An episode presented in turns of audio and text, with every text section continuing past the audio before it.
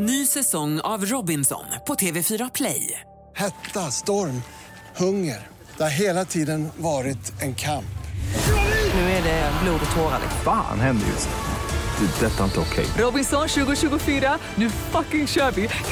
Streama söndag på TV4 Play.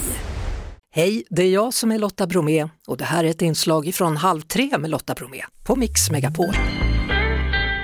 Han har kallats för Sveriges snålaste man, men man kan också kalla honom för ekonomisk. Günther Mårder handlar om Företagarnas VD. Välkommen till Halv tre. Tack så mycket. Ja, ekonomisk. Ja, jag tänkte det. Ja, det är vackrare. Det är det ja.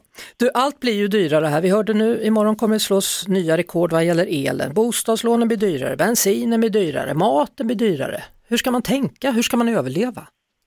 Ja, men nu plötsligt börjar de kunskaperna som jag har försökt predika kring när det kommer till sparsamheten att verkligen komma väl till pass.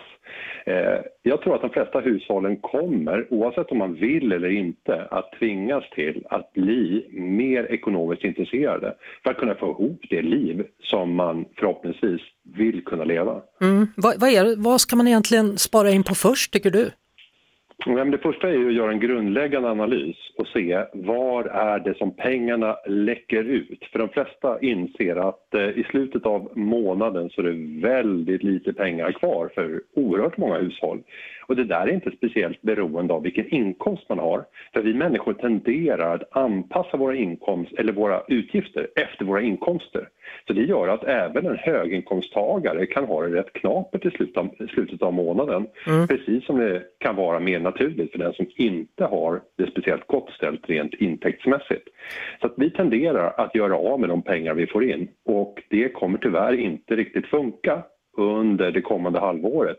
För då ser vi kraftiga prisökningar på det mesta av vad du och jag behöver i vår vardag. Det är mm. drivmedel, det är energi som vi hörde, det är dagligvaror och vi kommer se prisökningar på väldigt många av tjänsterna som vi köper. Vad, vad gör du då? Hur mycket lägger du på mat varje månad till exempel? Nu är jag ju väldigt extrem, så att när jag handlar så sker det med regelbunden basis. Det betyder att jag aldrig storhandlar, utan det sker närmast, inte på dagsbasis, men varannan dag ungefär.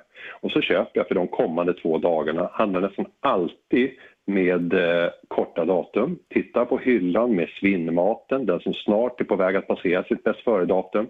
Där får ju butikerna inte sälja de här produkterna efter att datumet har gått ut. Och det gör att det kommer en kritisk tidsfaktor som butiken jobbar mot.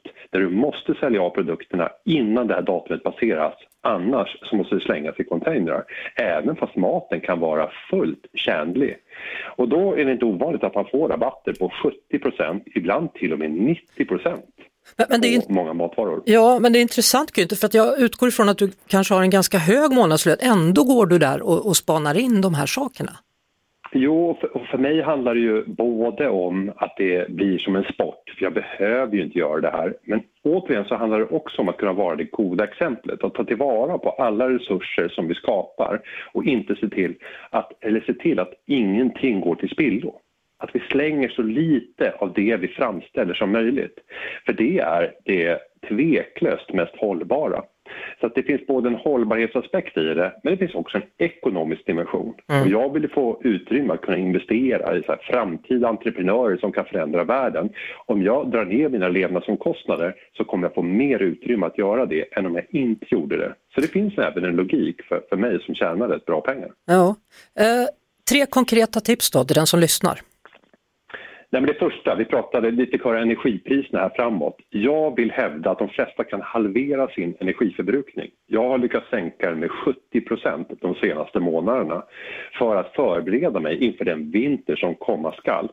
Slaget står kring uppvärmningen av huset ja. eller lägenheten. Så där ska vi fokusera. Sänk temperaturen, Använd elen under timmar då få andra använder elen och se till att ha ett timavtal.